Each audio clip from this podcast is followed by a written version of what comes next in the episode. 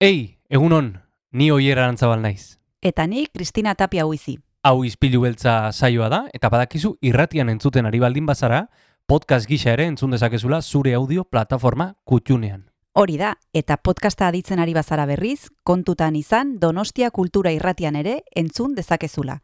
FM eundazazpi puntu lau frekuentzian. Sare sozialetan ere topatuko gaituzu noski, izpilu beltza bilatuta, Instagram, Facebook eta Twitterren. Besterik gabe, guazen gaurko saioarekin. Az gaitezen,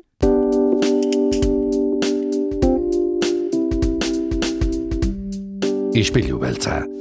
Donostiako kulturaren berri, Oyer Arantzabal eta Kristina Tapia buizirekin. Egun honen zule, aste artea da urtarriak hogeita lauditu eta Donostia kultura irratia entzuten ari zara, izpilu beltzean sartzeko prez zaude. Eta izpilu beltzean sartzen diren aldiro, gurekin topo egiten dute, ez dakit ona den ala txarra bera entzat. gurekin topo egitea ez dakit, izpilu beltzarekin topo egitea, bai, ze edukiak oso interesgarria dira. Bai, gure aia, gure goizeko txatxara, ez dakit. Gonbidatuak dira interesgarriak. Eta gu, Hori ja, gu gera pixka bat e, e, beharrezko e, minori, ez? Behar, derrigorrez. Hori da. Bai. Hori da. Tira, aste artea da eta gaur oiko legez eskamak entzen e, atala izango dugu, kresalareko lagunekin, izan ere nubes pasajeras, akik gaurizmakiren filma proiektatuko da, Trueba zinemetan. Hori da, Trueba Zinemetan arratsaldeko zazpiterrietan proiektatuko da Kaurismakiren pelikula hau eta Paul Orma gomitatu dugu berarekin hitz egiteko film honen inguruan. Paulo Orma etxerekin zinemaz hitz egitea gozada bada, kresalako lagunekin aritzea nola ez. Eta e, zinemarekin jarraituko dugu, baina oraingoan zientziarekin lotuta. Hori da, badekizue e, urtero urtero gainera urte hasieran izaten da beti zinema eta zientzia zikloa aurkezten dutela Euskadiko filmategian eta guk zuzendaria gomidatu dugu Josean Fernandez eta kontatuko digu hamar pelikula izango ditugula ikusteko hamar pelikula ikusiko ditugula bost hiriburutan Donibane Loitzunen, Iruñean, Gasteizen, Bilbon eta Donostin eta gainera zientzialariak e, egongo dira komentatzen pelikula bakoitza beraz nik uste dut e, luxuzko plana dela hau. Luxuzko plana, izpilu beltzen zutea goizero, nola ez? Eta John Gartziaren musika entzutea ere bai, beraz, agian berarekin hasiko gara. Hori da, guazen bere baimenarekin gaurko saioarekin. Guazen.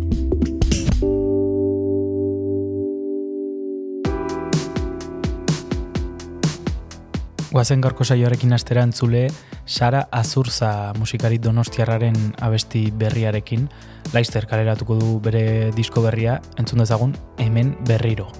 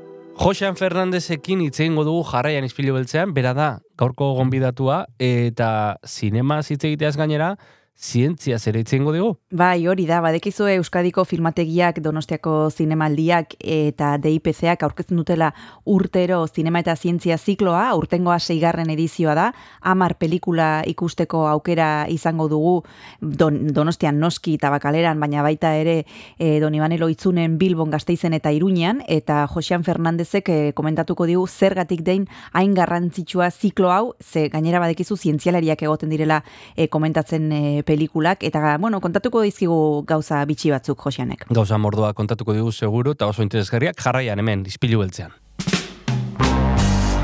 religious iconography giving you the creeps.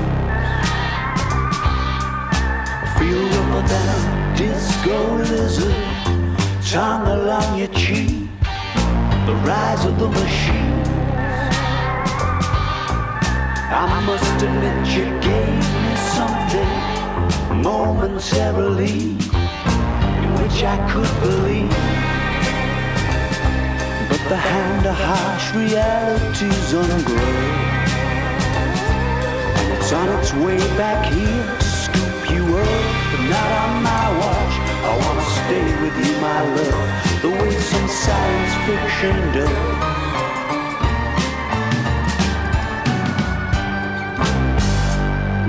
Reflections in the silver screen. A strange society swamp monster with a hard on for connectivity. The ascension of the cream.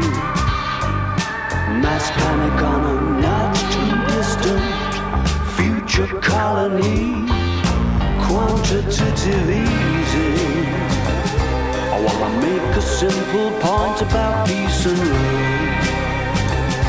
But in a sexy way where it's not obvious Highlight dangers and send out hidden messages The way some science fiction does The way some science fiction does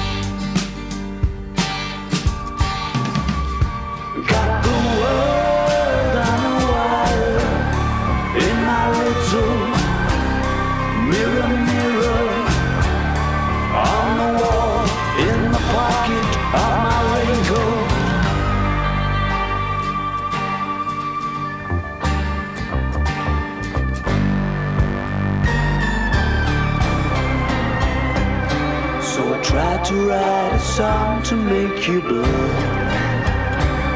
But I've a feeling that the whole thing may well just end up too clever for its own good.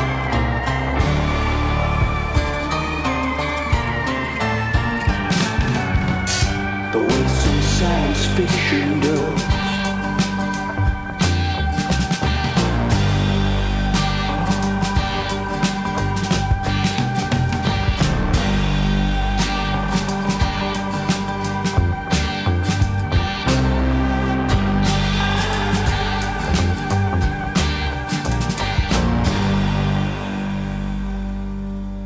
Gaur zinemari buruz hitz egingo dugu hemen Donostia Kultura Irratian. Duela egun batzuk Euskadiko filmategiak, zinemaldiak eta Donostia International Physics Centerrek zinema eta zientzia zikloren seigarren edizioa aurkeztu zuten eta guk izpilu beltzara Josean Fernandez filmategiko zuzendaria gonbidatu dugu. Egunen Josean, ¿qué tal? Egunon, oso ondo, eskerrik asko. Bueno, como hemos dicho, hace unos días que habéis anunciado la sexta edición del ciclo Cine y Ciencia, un ciclo que ya está más que consolidado, eh, que se organiza en colaboración eh, con el Cinemaldi y con el DIPC. ¿Cómo va a ser eh, esta sexta edición? ¿Qué nos puedes contar? ¿Cómo, ¿Qué películas vamos a poder ver? Bueno, eh, el objetivo del, ciclo en sí, y como bien decías, es la sexta edición, eh, no ha cambiado. Es decir, que junto con nuestras compañeras y compañeros del Donostia International Physics Center, el objetivo desde el principio fue tratar de transmitir cultura cinematográfica, como hacemos en Filmoteca durante todo el año, y añadir a eso la transmisión de cultura científica, que nos parecía eh, muy interesante. Entonces, yo lo repito continuamente, pero es que es verdad. Mucha gente cuando ve el listado de películas dice, pues, pues eh, no veo claro la relación con la ciencia. Bueno, espera y verás, porque lo interesante es precisamente el punto de vista que las científicas y científicos que vienen a presentar las sesiones nos dan. Es decir, que a veces la película no parece tener un vínculo directo con la ciencia, pero el punto de vista científico, la, lectura desde la ciencia que se hace de esa película sí que lo es, y eso es lo que marca un poco. A veces las películas van claramente sobre ciencia o nos hablan de, las vidas de científicas y de científicos eh, o de sus proyectos de investigación, etcétera. Pero en todo caso es esa mirada científica sobre, bueno, una parte de la historia del cine, clásicos modernos, clásicos contemporáneos, y eso es lo que tratamos de construir eh, todos los años. Este año lo hemos hecho de nuevo eh, con una decena de películas que van a estar, por supuesto, aquí en Donosti en la sala de Tabacalera, pero es que también lo llevamos a Bilbao, a Vitoria, a San Juan de Luz y a Pamplona, ni más ni menos. ¿no? O sea que en eso, en esa voluntad de transmisión de esas dos culturas, pues intentamos extendernos mucho y bien. Sí, porque además de las películas, eh, lo que tiene de particular este ciclo es que, como has dicho tú, científicos y científicas se acercan a presentar eh, cada trabajo y después eh, tienen eh, los espectadores la ocasión de, hablar con ellos y de contrastar eh, opiniones, que eso es una cosa, bueno, podríamos decir casi casi que es un lujo, ¿no? Viendo el plantel de, personas que, van a presentar las películas este año. Es, es un lujazo, yo creo, es un, es un lujo absoluto, ¿no? Es decir, que, bueno, que podamos empezar con Pedro Miguel Echenique, ¿no? El presidente del Donostia International Physics Center y que está un poco en el origen, por cierto, ¿no? Eh, Pedro Miguel Echenique de, de, de todo el proyecto, ¿no? Yo recuerdo que le invité a una sesión de lo que llamamos Bená o la, la, favorita de, ¿no?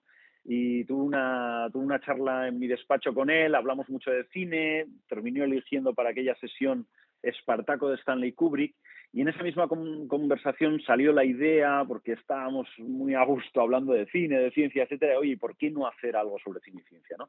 Eso pasó hace pues ya casi siete años, ¿no? ni más ni menos.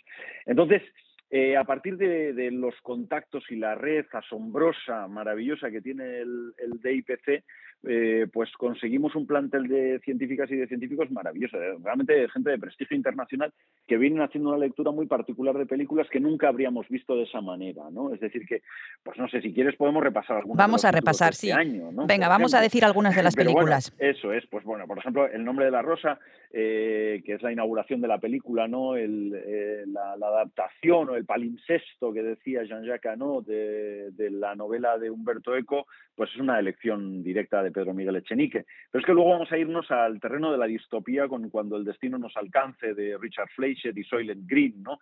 O, por ejemplo, una película particularmente pertinente, en mi opinión, y parece que no, pero el otro día lo decíamos en la prensa también. Este es un ciclo también que intenta pues derrumbar no pocas supercherías que siguen existiendo en el siglo XXI, eh, que no es que estemos hablando del medievo, es que siguen muchas aquí. La herencia del viento, la película Stanley Kramer, habla de las dificultades reales por las que atravesó un profesor que trataba de enseñar darwinismo, eh, las teorías de Darwin y de la evolución, ¿no? frente a creacionistas, por ejemplo. Y esto sucedió en el primer tercio del siglo XX en algunas poblaciones de los Estados Unidos. ¿no? Vamos a volver a la figura icónica en la historia de la ciencia de Madame Curie, ¿no? con el clásico de Melvin Leroy. Eh, no sé, da, da, por ejemplo, imagen a nuestro ciclo eh, Fire of Love, la película uh -huh. de la directora Sadosa, que bueno, nos ha ayudado precisamente a, a, hilar, digamos, con nuestro editorial, ¿no? Esta es una historia de amor por el cine y amor por la ciencia.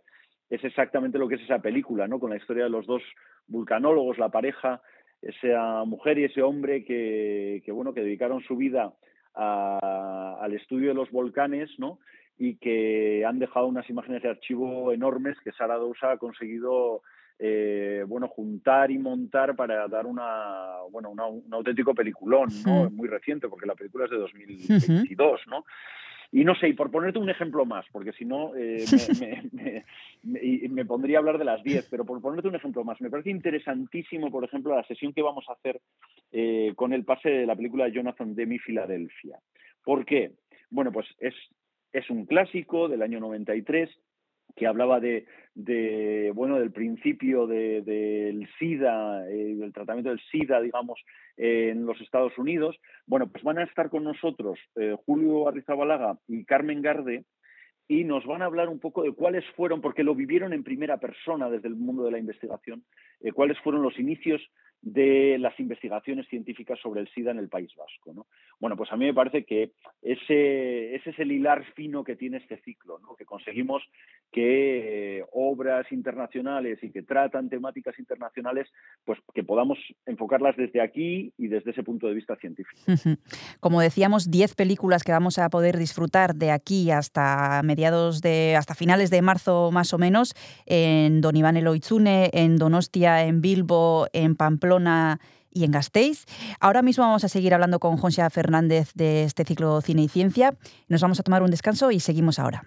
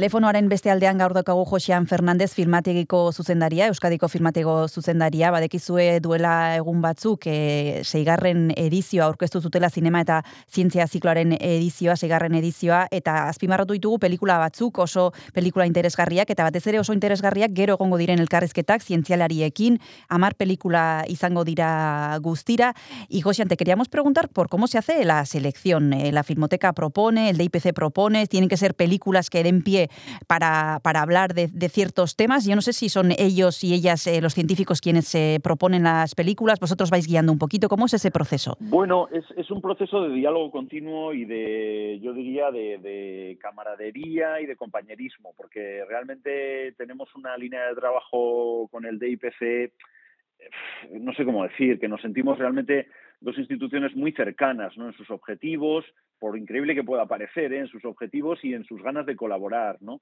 Por lo tanto, mm, desde Filmoteca solemos estar muy atentos a la disponibilidad de copias, a las copias restauradas recientemente y que son accesibles, etcétera, y desde el DIPC pues a distintas temáticas, etcétera. Intentamos ensamblar eso y llegamos muy fácilmente a un acuerdo porque normalmente estamos hablando de una docena, una decena de películas, ¿no? Es muy fácil llegar a ese tipo de acuerdos, ¿no? Es decir que eh, compañerismo y camaradería con el objetivo, como decíamos el otro día, de que esto sea una especie de fiesta para la vista, para los oídos y también un estímulo continuo para nuestras conexiones neuronales, ¿no? que de eso se trata tanto en las introducciones como en los posteriores debates con, con las científicas científicos que vienen a presentar. Se comienza el año de forma muy potente en cuanto al cine con este ciclo, un ciclo que espera muchísima gente, que ya es un clásico, podríamos decir, eh, con sus seis años de vida y que ha reunido, si no me equivoco, a casi o alrededor de 20.000 personas hasta ahora. Yo no sé si es el ciclo más exitoso de la Filmoteca. Bueno, es uno de los que más eh, éxito tuvo desde el principio, es verdad. Y claro, como a nosotros desde el punto de vista edito- editorial, digamos, nos convencía, estamos eh, en esa línea, pues es verdad que lo hemos continuado. Y yo creo que eh, es que sigue siendo muy necesario ¿no? y, y muy bello organizarlo y, y plantearlo. O sea que yo creo que es un ciclo para, para largo, que creo que va a tener además otro tipo de, eh, no sé cómo decirlo, de, de- de- de documentos adjuntos, casi Mm. diría, no si habláramos de emails. Es decir, que, por ejemplo, eh, hace muy poco pues se extendió al festival, es decir, el festival también, el Festival de San Sebastián ha hecho que sus sesiones en el velódromo estén vinculadas para los eh, para, para un público escolar básicamente, estén vinculadas al cine y a la ciencia, ¿no? Y eso se está haciendo a través del DIPC y de la propia Filmoteca. Y ahí también tenemos miles de espectadores, realmente miles. A lo largo de la última edición creo que ha sido en torno a 14.000 eh, chavales, ¿no? Es decir que, eh, claro, ahí, ahí se está construyendo algo, ¿no? En torno al cine y la ciencia, de manera que solemos decir muy a menudo que esta es una ciudad de cine, y eso es muy verdad, y de cultura en general, por supuesto también de música y de otras cosas, pero desde luego es una ciudad de ciencia, y eso está quedando muy claro precisamente con este vínculo, ¿no? Que, que trata de poner eh, pues bajo la luz este, este, esta realidad que existe, eh, por ejemplo, en la ciudad de.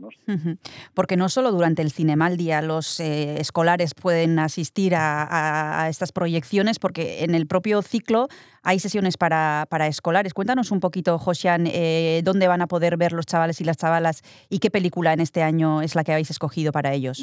Sí, esto ha sido uno de los objetivos desde el principio, ¿no? También precisamente eh, eh, no, no, no te creas que es habitual, es decir, en Filmoteca Vasca eh, llevar la programación teniendo en cuenta que de- empezamos a programar, digamos, a tener programación estable eh, a finales de 2015, pues vam- vamos poco a poco, ¿no? Y las sesiones para escolares van poco a poco. Pero en este ciclo nos parecía especialmente importante desde el principio. Entonces organizamos sesiones escolares en las tres capitales de la comunidad autónoma vasca, en Bilbao, en Donosti y en Gasteiz.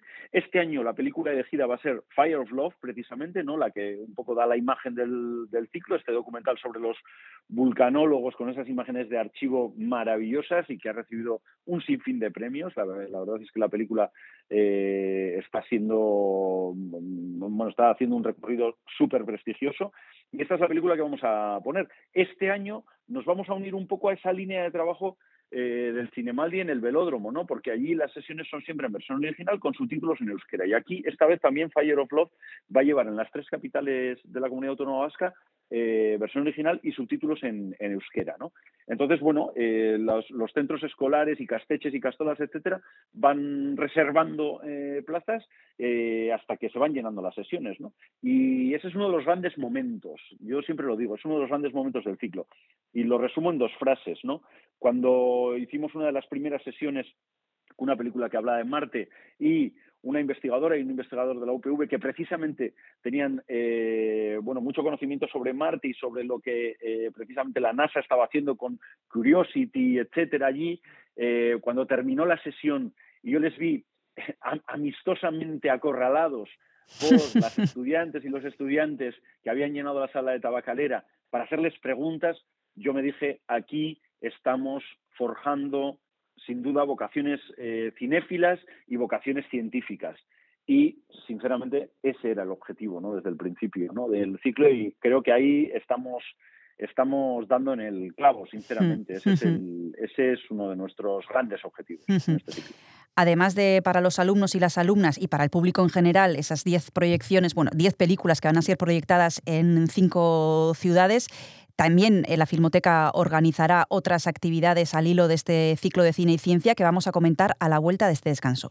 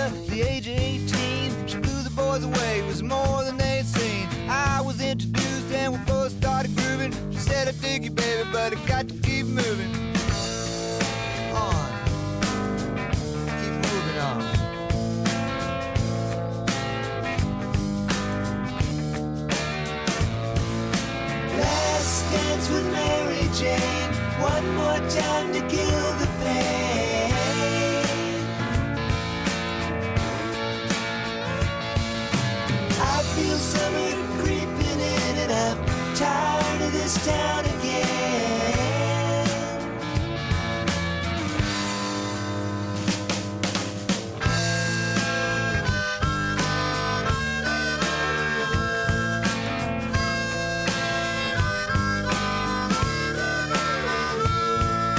Well, I don't know, but I've been told you never slow down, you never grow old. I'm tired of screwing up, tired of tired of myself, tired of this town. Oh my my, oh hell yes, honey, put on that party dress, buy me a drink, sing me a song, take me as I come, cause I can't stay long. Last dance with Mary Jane, one more time to kill the pain.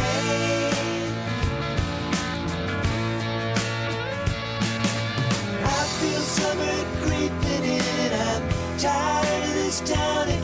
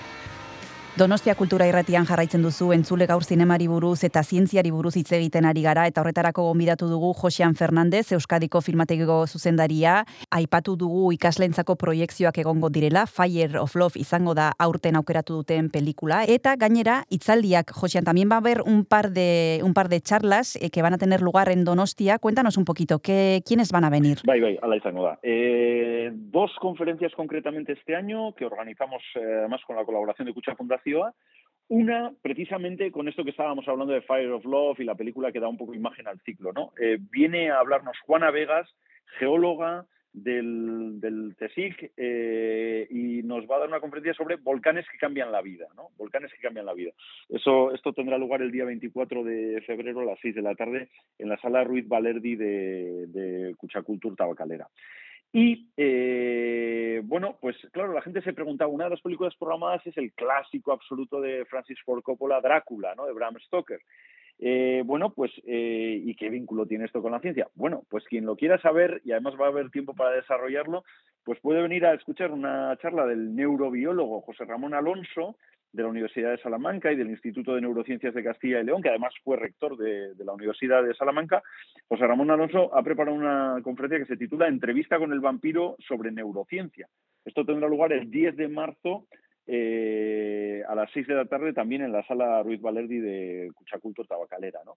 Es decir, que intentamos, bueno, pues arropar el ciclo, las proyecciones, no solamente con presentaciones y debates, sino también con algunas conferencias, bueno, eh, más enfocadas evidentemente a la gente que está muy interesada en el mundo de la ciencia, pero es que aquí vemos que la gente muy interesada en el mundo de la ciencia suele estar a su vez muy interesada en el mundo del cine y al revés. Son públicos que, eh, digamos, casi casi por procesos osmóticos se confunden, ¿no? Mm. Y eso es lo que nos ha gustado. Mm. Siempre nos ha gustado mucho, hablo ahora de la sala aquí en Tabacalera, que nuestro público sea un público cinéfilo, pero no solo que sea cinéfilo y que sea también otras cosas. Nos gusta mucho que sea un público casi, casi diríamos líquido, ¿no? Y que se mezcle con otros tipos de público y que seamos capaces de atraer a esa gente también a, a nuestros ciclos. Mm. Como decíamos, este es el primer ciclo del año y yo no sé, Josian, si podéis adelantar algo más desde la Filmoteca Vasca, cómo va a ser este 2023, si podemos adelantar si va a haber eh, otros ciclos más y cuáles van a ser. Sí, pues eh, puedo, puedo adelantar algunas cosas, sí, porque efectivamente solemos tener cuatro grandes ciclos, Cristina. Eh, uno, el de cine y ciencia, que nos lleva de enero a marzo. Otro, el de las sesiones Lumière, que es la posibilidad de descubrir o revisitar grandes clásicos de la historia del cine restaurados y que hacemos con nuestras compañeras y compañeros del Instituto Lumière en Lyon. Eh, hay que recordar que esa es la, la, cuna del cine, allí inventaron los hermanos Lumière el cinematógrafo, ni más ni menos. Luego nos unimos a los tres grandes festivales de jazz, eh, para hacer un ciclo sobre jazz en julio y finalmente algo vinculado a la historia del cine vasco, en este caso a cineastas vascas. Este 2023 será el año en que 2000, de octubre a diciembre clausuremos ese ciclo trianual, digamos, lo hemos llevado a cabo durante tres años sobre cineastas vascas. ¿no? Así que eso es lo que eso es a lo que nos vamos a dedicar por supuesto, si las facturas de la luz y otros, y otros temas nos lo permiten, pero la verdad es que ese es un poco el menú que tenemos pensado para este año y que creo que cumple un poco los objetivos que tiene que tener cualquier filmoteca, pero desde luego la nuestra, ¿no? Es decir, transmisión de cultura cinematográfica con un pie en nuestra propia eh, cinematografía y en nuestro propio eh, patrimonio, pero luego muy abiertos efectivamente a cosas que nos llegan desde fuera o que nos vinculan con determinadas temáticas, como por ejemplo pues, la ciencia o el jazz. ¿no? ¿Y algún otro homenaje como el que habéis eh, realizado a Pedro Lea a finales del 22? Eh, no sé si tenéis previsto que esto sea algo anual, porque tenemos que recordar también que la Filmoteca Vasca homenajeó al cineasta bilbaíno Pedro Lea a finales del año pasado. Y esto no sé si se va a convertir en una tradición ya. Pues sí, la verdad es que nos gustaría. Eh, no te puedo avanzar nombres, pero sí que nos gustaría que, bueno, pues al menos una, dos veces al año podamos efectivamente rendir homenaje alguna figura que haya sido especialmente relevante de, nuestra cinematografía. ¿no? Nos gustaría, porque es una manera de decirles pues que se les estima, que se les quiere, que se les admira, ¿eh? y una filmoteca tiene mucho que ver con eso, con admirar el trabajo de, de cineastas. ¿no?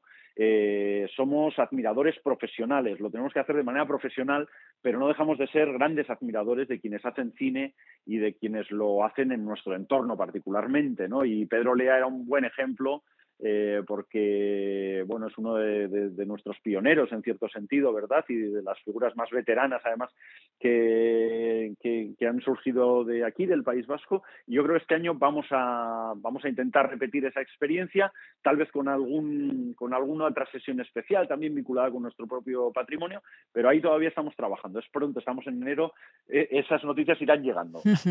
Bueno, de momento lo que tenemos entre manos es el- la sexta edición del ciclo Cine y Ciencia que podremos disfrutar en Donostia y en el resto de capitales. Ya hemos dicho Gasteiz, Bilbao, Pamplona, Donibane, Loitzune, o sea que el que, vamos, que no hay, no hay escapatoria. Así que con este menú que nos ha ido desgranando Josian Fernández, les dejamos a los oyentes, les invitamos a que acudan a alguna sesión o a todas si quieren, que después van a tener ocasión de hablar con científicos de primera línea. Es que ricasco Josian Fernández Donostia Kultura Irratira hurbiltzagatik, urrengo arte. Bai, eskerrik asko zuei, beti bezala. Agur.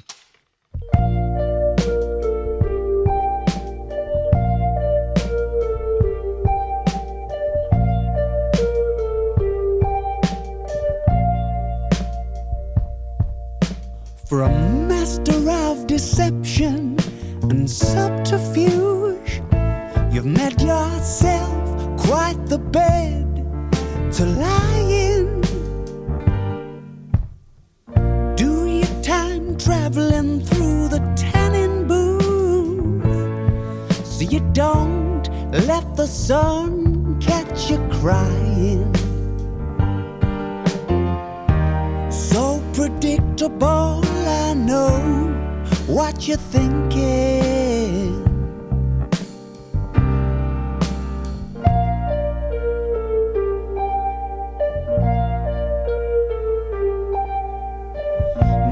Teeth are beating and my knees are weak.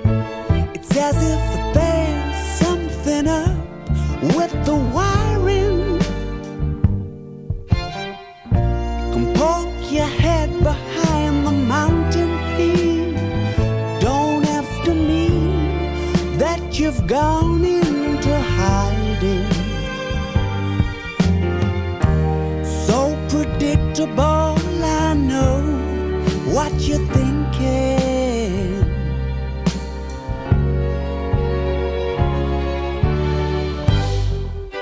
I'm watching your every move. I feel the tears are coming on. It won't be long. It won't be long. Straight from the cover shoot, steal a trace of body paint on your legs and on your arms and on your face. And I'm keeping on my costume and calling it a writing tool. And if you're thinking of me, I'm probably thinking of you.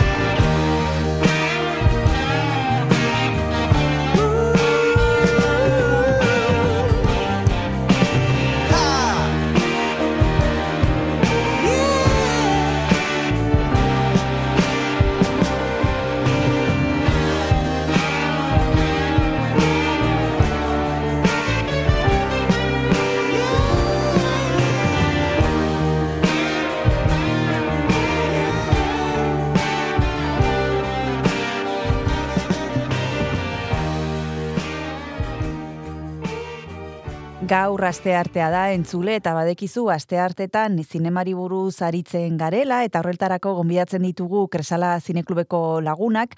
Gaurkoan telefonoaren beste aldean Paul Ormaetxea daukagu eta badekizue Kresala Zineklubak egunotan e, ziklo bat edo antolatu duela e, bueno, atzera begirakoa igual hobe esan da ezakit nola, nola definitu e, akik aurismakiren ingurukoa. Gaur proiektatuko dute Trueba Zinemetan arratsaldeko zazpiterdietan beti bezala nubes pasajeras. Egunon Paul, zer modu zaude? Egunon, Kristina, ba ondo, gogotxu beti bezala. Bai, ez da, e, akik aurismakiren pelikulak ikusteko aukera izaten ari gara egunotan, asteotan, eta gaurkoan e, nubes pasajeras filmaren txanda da. Esplikatu behar dugu, badekizue, e, ze azken asteotan e, kaurismakiren inguruan hitz egiten egon gara, e, Finlandiako zinemagilea dela, kasu hontan e, pelikula mila bederatzireun da e, laro maseikoa da, ordu terdikoa, eta bueno, guazen astera pixkanaka pixkanaka kontatzera, e, beti bezala galdetuko dizut, Paul, zer kontatzen duen kaurismakik pelikula hontan, zein da sinopsia? Ba, bueno, sinopsia esango genuke dela bikote bat, e, bueno, ezkondutako bikote bat, ba, berrogei eta piko urte ingurukoa, eta biek lana galtzen dute. Badirudi, mm, hasiera batean ba, nahiko e, posizionean daudela, langile klasekoa dira, baina bueno, bizitza nahiko ondo daukate, e, gainera hasiera hasieran ikusten da nola telebista bat erosi berri duten, eta biek lana galtzen dute.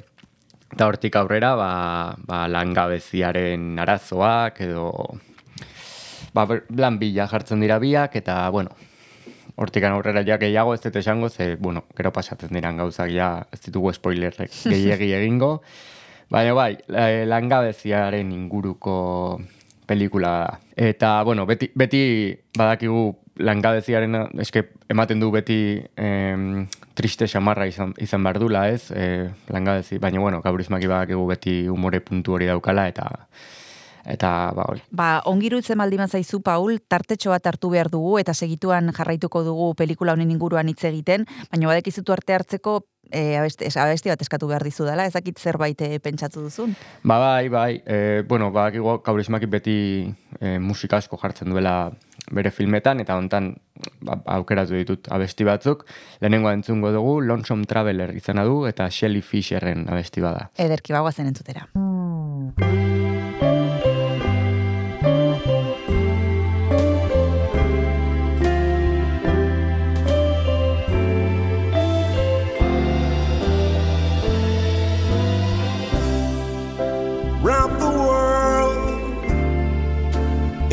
Christmas paper,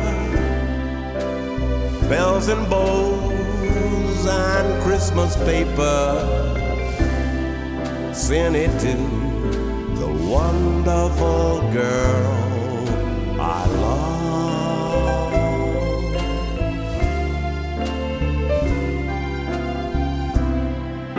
In my wild imagination, I can picture God's creation going to the wonderful girl I love.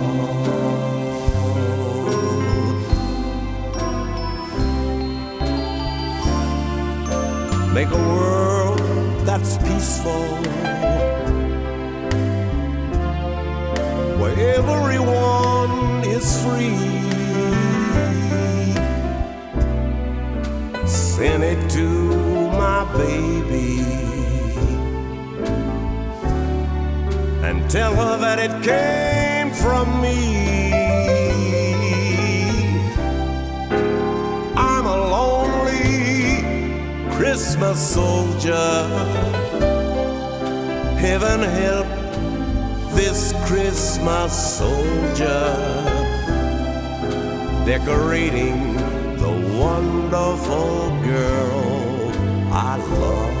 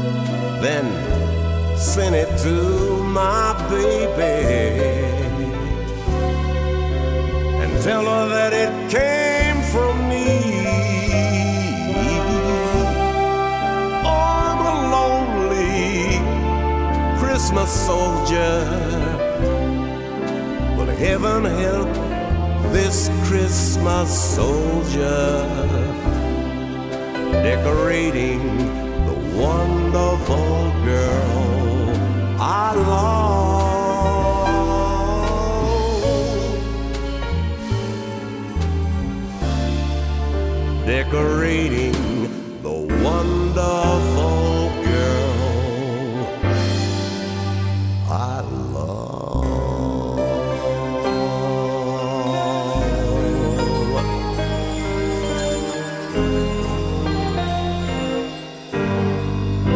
holidays, everybody, all around the world. Zinemari buruz hitz egiten ari gara gaur hemen izpilu beltzan Donostia Kultura Irratian, gobidatu ditugu Kresala Zineklueko gure lagunak, telefonoaren beste aldean gaukagu gaur Paul Ormaetxea eta pelikulak izena du Nubes Pasajeras. Aki Kaurismakiren pelikula da, gaur arratsaldean Trueba zinemetan ikusteko aukera izango dugu, arratsaldeko zazpiterdietan, eta hasieran esan duzun bezala, Paul, pelikulak e, kontatzen du pixka bat ze pasatzen den e, ba, langabezian e, zaudenean. E, bere garaian, aurkeztu zenean, e, mila bederatzireun da laro garren urtean, e, kaneko jaialdian e, Palma de Oro e, lortzeko, bueno, e, egon zen, e, zuen e, e, lortu, baina bueno, nominazioa bai lortu zuela, eta nik ezakit e, bere beste pelikulekin alderatuta, honek e, zerbait berririk daukan, edo bere estiloa jarraitzen duen, mantentzen duen. E, estiloa mantentzen du. E, nik esango nuke bai lejabrerekin gertatzen den bezala, e, igual dala bere filmografian murgiltzen hasteko pelikula oso aproposa. Ze estiloa mantentzen du, baina pelikula mm, ez dakit nola esan ez da hain, hain, hain, hasierako pelikulak bezain arraro puntu hori ez dauka gehiegi, ez? Denak dira, bere pelikula denak dira narratiboak, eh? baina, bueno, estiloa partikularra dauka, eta hau agian izan daiteke erresagoa. Bai daukala gauza bat niri gustatzen daiten asko, e, bueno, kaurismakik beti bere pelikuletan elkarrizketa ba, oso divertigarria dauzka, batzutan absurdo punto horrekin, eta honetan ere bai, e, baina kritika oso oso zorrotza jartzen du elkarrizketa absurdo hoietan, ez? E, e, ba hori, langabezian daude, eta orduan e, kritikatzen du nolabait esateko kapitalismoaren lan mundu hori, ez? Lan munduan sartzeko dauden ba, zailtasunak, badauka hor gero bankuekin ere e, bueno, bere kritika puntu bat, badauka ere e,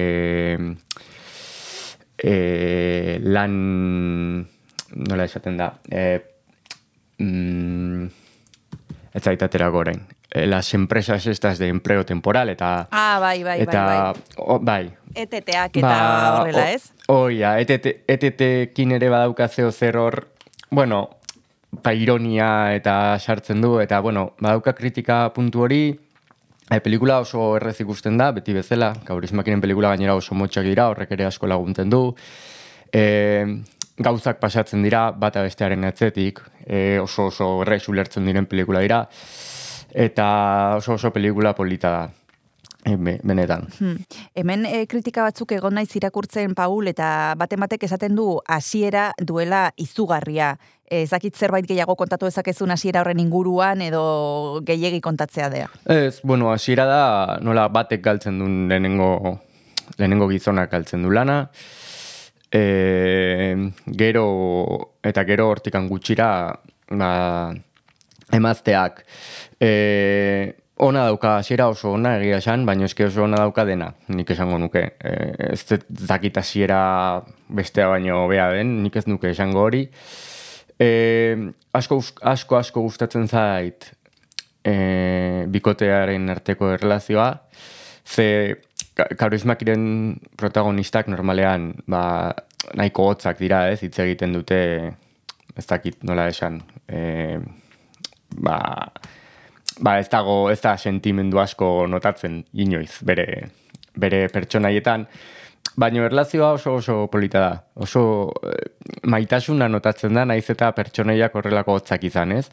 Eta asko gustatzen zain, nik uste, e, bueno, lejabren ere badago horrelako puntu bat, bikotearen artean, baina nik uste honetan, ez dakit, niri asko asko gustatzen zait behin arteko erlazio hori, ez? Nola gilditzen diran biak langadezian eta nola aurrera atera behar duten.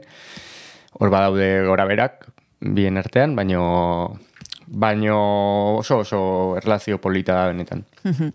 Nubes pasajeras pelikularen inguruan hitz egiten ari gara hemen Donostia Kultura Irratian, gaur arratsaldean ikusteko aukera izango dugu eta gero e, pelikularen inguruan eztabaidatzeko ere badekizue Kresalan gero solasalditxo bat antolatzen dutela arratsaldeko zazpiterrietan izango da esan bezala. Bigarren tartetxo bat hartu behar dugu, Paul, eta gero jarraituko dugu filmaren inguruan hitz egiten. E, ze pentsatu duzu orain entzuteko eta entzulekin partekatzeko? Ba, filmean agertzen den beste kantu bat, eta gainera kaurismakiren eh, talde guztoko honetako bat, Mel Rosen Human Right for Snakes. Primera, mangoazen entzutera.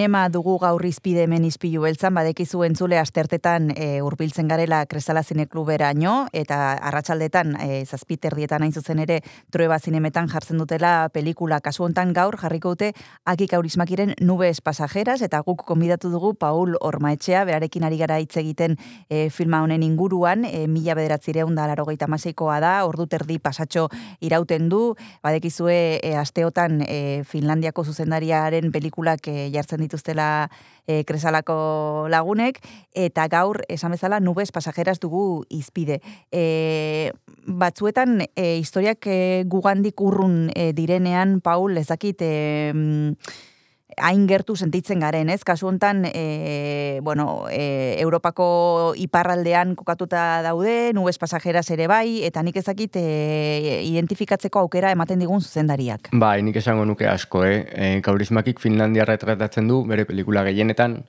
baina ez da Finlandia moderno eta hori, eh? Azkenean berak erabiltzen ditun ba, auzoak eta dira eh, langile, lan, osea, langile auzoak esango genuke, orduan horrekin ez daukagu ez dugu urrun sentitzen. Gaina berak e, orain komentatu dugula aurreko, jarri genuen aurreko pelikulan, e, kontratea un asesino a sueldo, zegoen e, esaldi oso polit bat, esaten diona pertsonaia batek besteari, e, beraiek ba, jun nahi dute handikan, e, kanpora, eta batek besteari esaten dio, la clase trabajadora no tiene patria.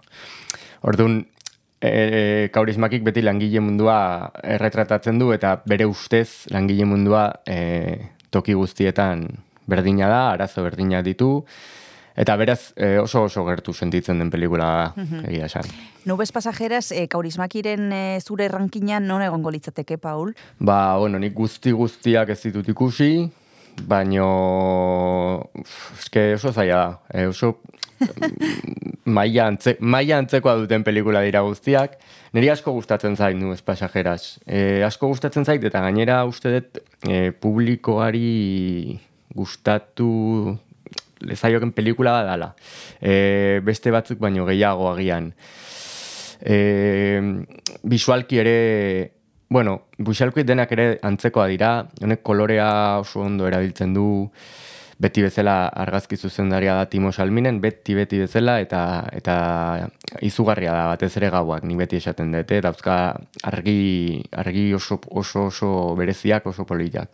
Eta ez dakit, rankinean, ez dakit, eske ez dakit, esan nik esango nuke denak sartzen dirala nire top bostean. Baina denak sartuko nituzke hor, osea, que...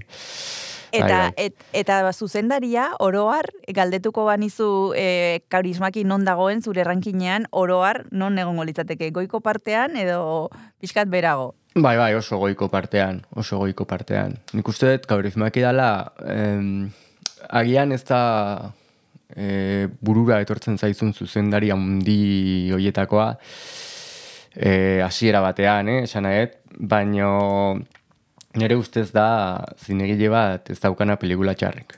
E, ez da bat. Osea, denak ditu ba, 6,5 zazpitik gora, denak. Eta hori, eta pelikula asko ditu, eh? Eta niri hori iruditzen zait, ba, izugarrizko meritua. Gainera, beti esaten dut, zinemagile horietako bat bere estilo propio-propioa daukana, eta bere filmaten amar segundu ikusita, eh, naiz eta ez jakintzea izan ikusten badakizu berea dela. Eta hori niri iruditzen zait izugarrizko meritua dela, niri asko asko gustatzen zait egia esan. Mhm. E, aipatu ditugu lehen ere bai e, elkarrizketak aktoren artean eta bar, eta kritika batzutan irakurri dut e, zinema mutua ez da hil e, kaurismakiren arira, ez? Ezakit e, baduen zerbait e, zinema mututik ere bai bere, bere lanak. Bai, bai, hori aurrekotan hitz egin izan dugu eh, oso ondo eh, oso ondo kontatzen du, oso narrazioa da eh, oso visuala, eh, ez du behar, ez ditu hitz asko behar, hontan gehiago hitz egiten da, adibidez, ba, la chica de la fábrica de cerillasen oso oso e, gutxi hitz egiten zen bezala, ba, hontan gehiago hitz egiten da, baina egia da berak e, badakila narratzen e, ez e, hitzik gabe. Osea, dauka Bueno, bera oso oso zinezalea zen, gaztea zenean, orduan zine pila bat ikusi zuen, eta nik uste dut hortikan ere hartu ditula ba, referentzia asko, eta badaki narratzen e, hori, e, inolako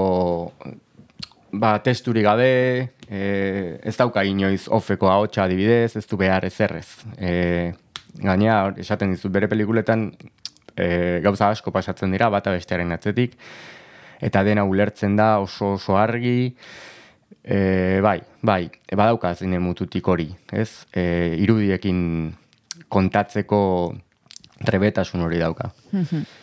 Bueno, ba, esan bezala gaur arratsaldean trueba zinemetan ikusteko aukera izango dugu, Nubes Pasajeras, Kaurismakiren e, pelikula, e, laro minutu eskasi irauten du, badekizue asteotan e, kresalako lagunek e, Kaurismaki ari direla aztertzen, eta gero solasaldia egongo da, Paul, zeinekin e, izango dugu aukera solasteko pelikula ikusi eta gero? Ba, guk egingo dugu kresalako Mhm. pentsatzen den ni aterako naizela, agian Pedrorekin, edo ez dakit, baina gu- gure artean ingo dugu bai. Oh, ondo.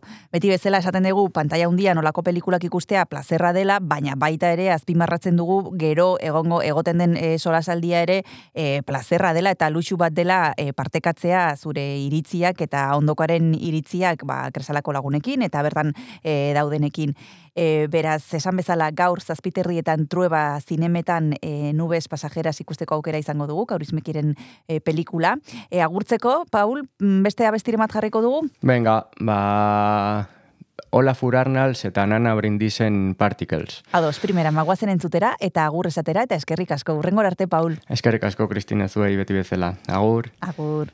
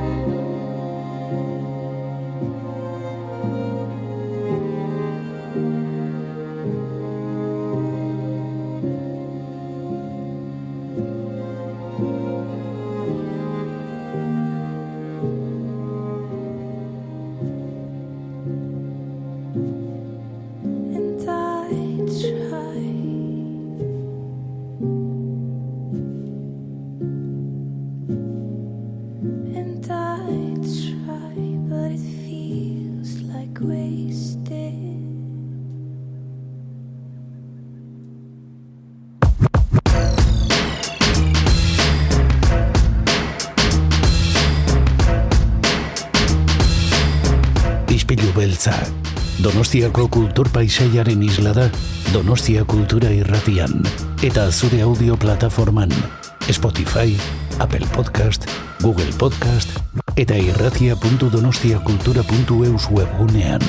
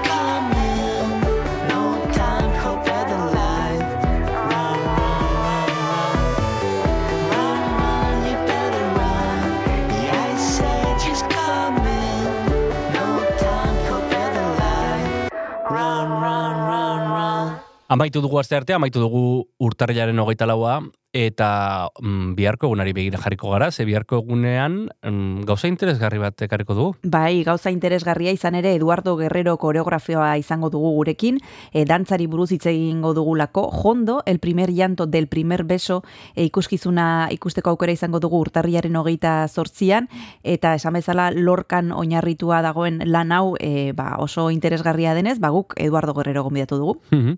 Gauza esan dut, baina espektakulu, esatea egokiagoa litzateke Bai. akaso. E, e, Bai. zuzenagoa, espektakulo, e, gai e- eder, ez dakit. E, Bai. dena delakoa, bihar e, azalduko dizugu Vitorio Eugenian Txokian egingo den espektakuluaren berri, eta beste gauza askoren berri ere bai, nola ez, Donostia Kultura Irratian, FMB eundazazpi.lau frekuentzian, edo nahieran, edo zein audio plataformatan, bertan ere topatuko duzu izpilu beltza, beraz, arpidetu eta zabaldu lagun artean. Hori da, bihar arte. Bihar arte, agur agur.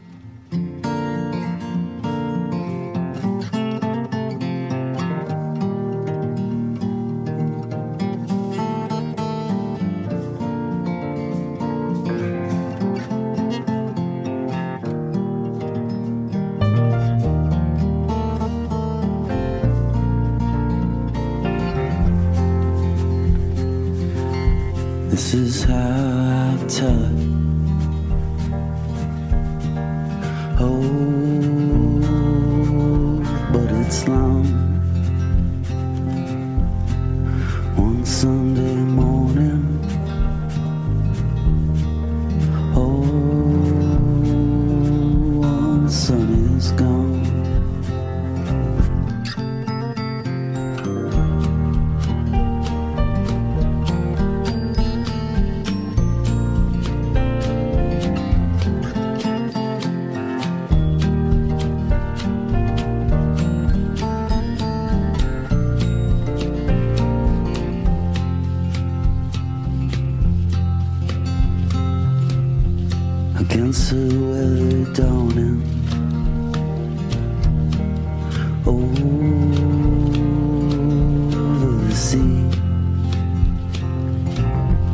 Father said what I had become.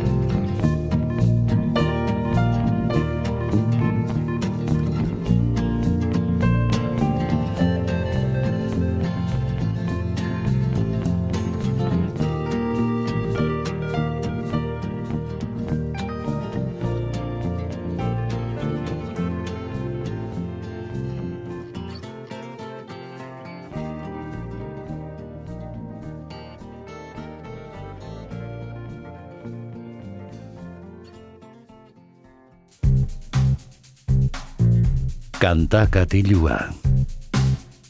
Jon Gartziaren eskutik. Kaixo entzule, ongietorri beste behin kantakatiura, iritsi gara ispilu beltzak gaurkoz agurtzeko momentura, eta badakizu hemen tartetxonetan diskoak entzutea maite dugula. Gaurkoan e, askotan egin dugun gauza bat egingo dugu, hain zuzen ere bi disko entzungo ditugu jarraian, hasieratik amairara, bi disko labur izango dira kasu honetan, eta biak e, Euskal Herritik ateratako proposamenak, Lehenik eta behin Joseba Irazoki eta Petxi beratarrek eh, ateratako split diskoa entzungo dugu. E, Horentxe atera dute bomberenearen zigilupean. Eta gero eh, hori amaitzean tok eh, talde bizkaitarraren bat barik ez dauz bi izeneko lan ederra entzungo dugu. E, guazen lehenengoarekin astera eta lehen abestiarekin hasiko gara ohiko legez, hau da, azken aldia.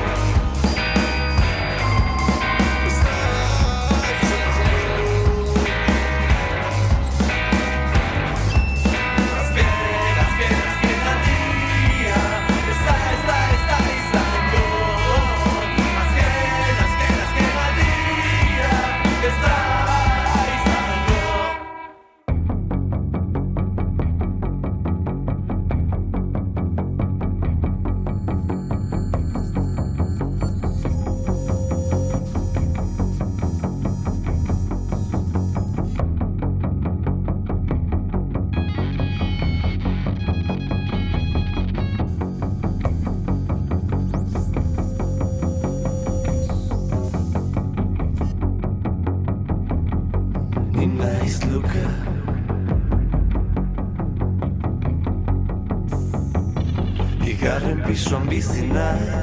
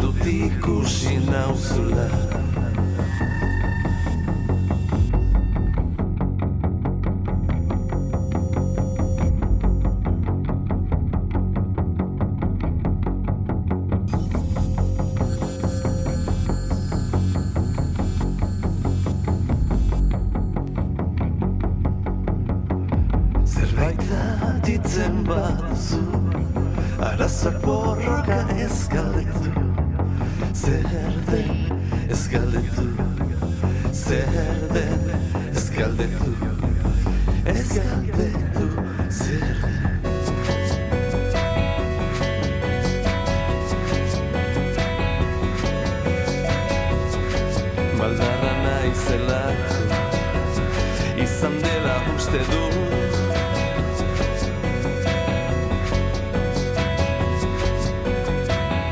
Saiatzen naiz ozen gitzo lastein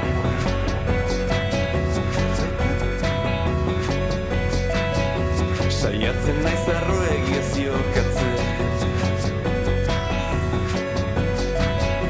Negarrekin arte bakar jotzen dute. Zergatik den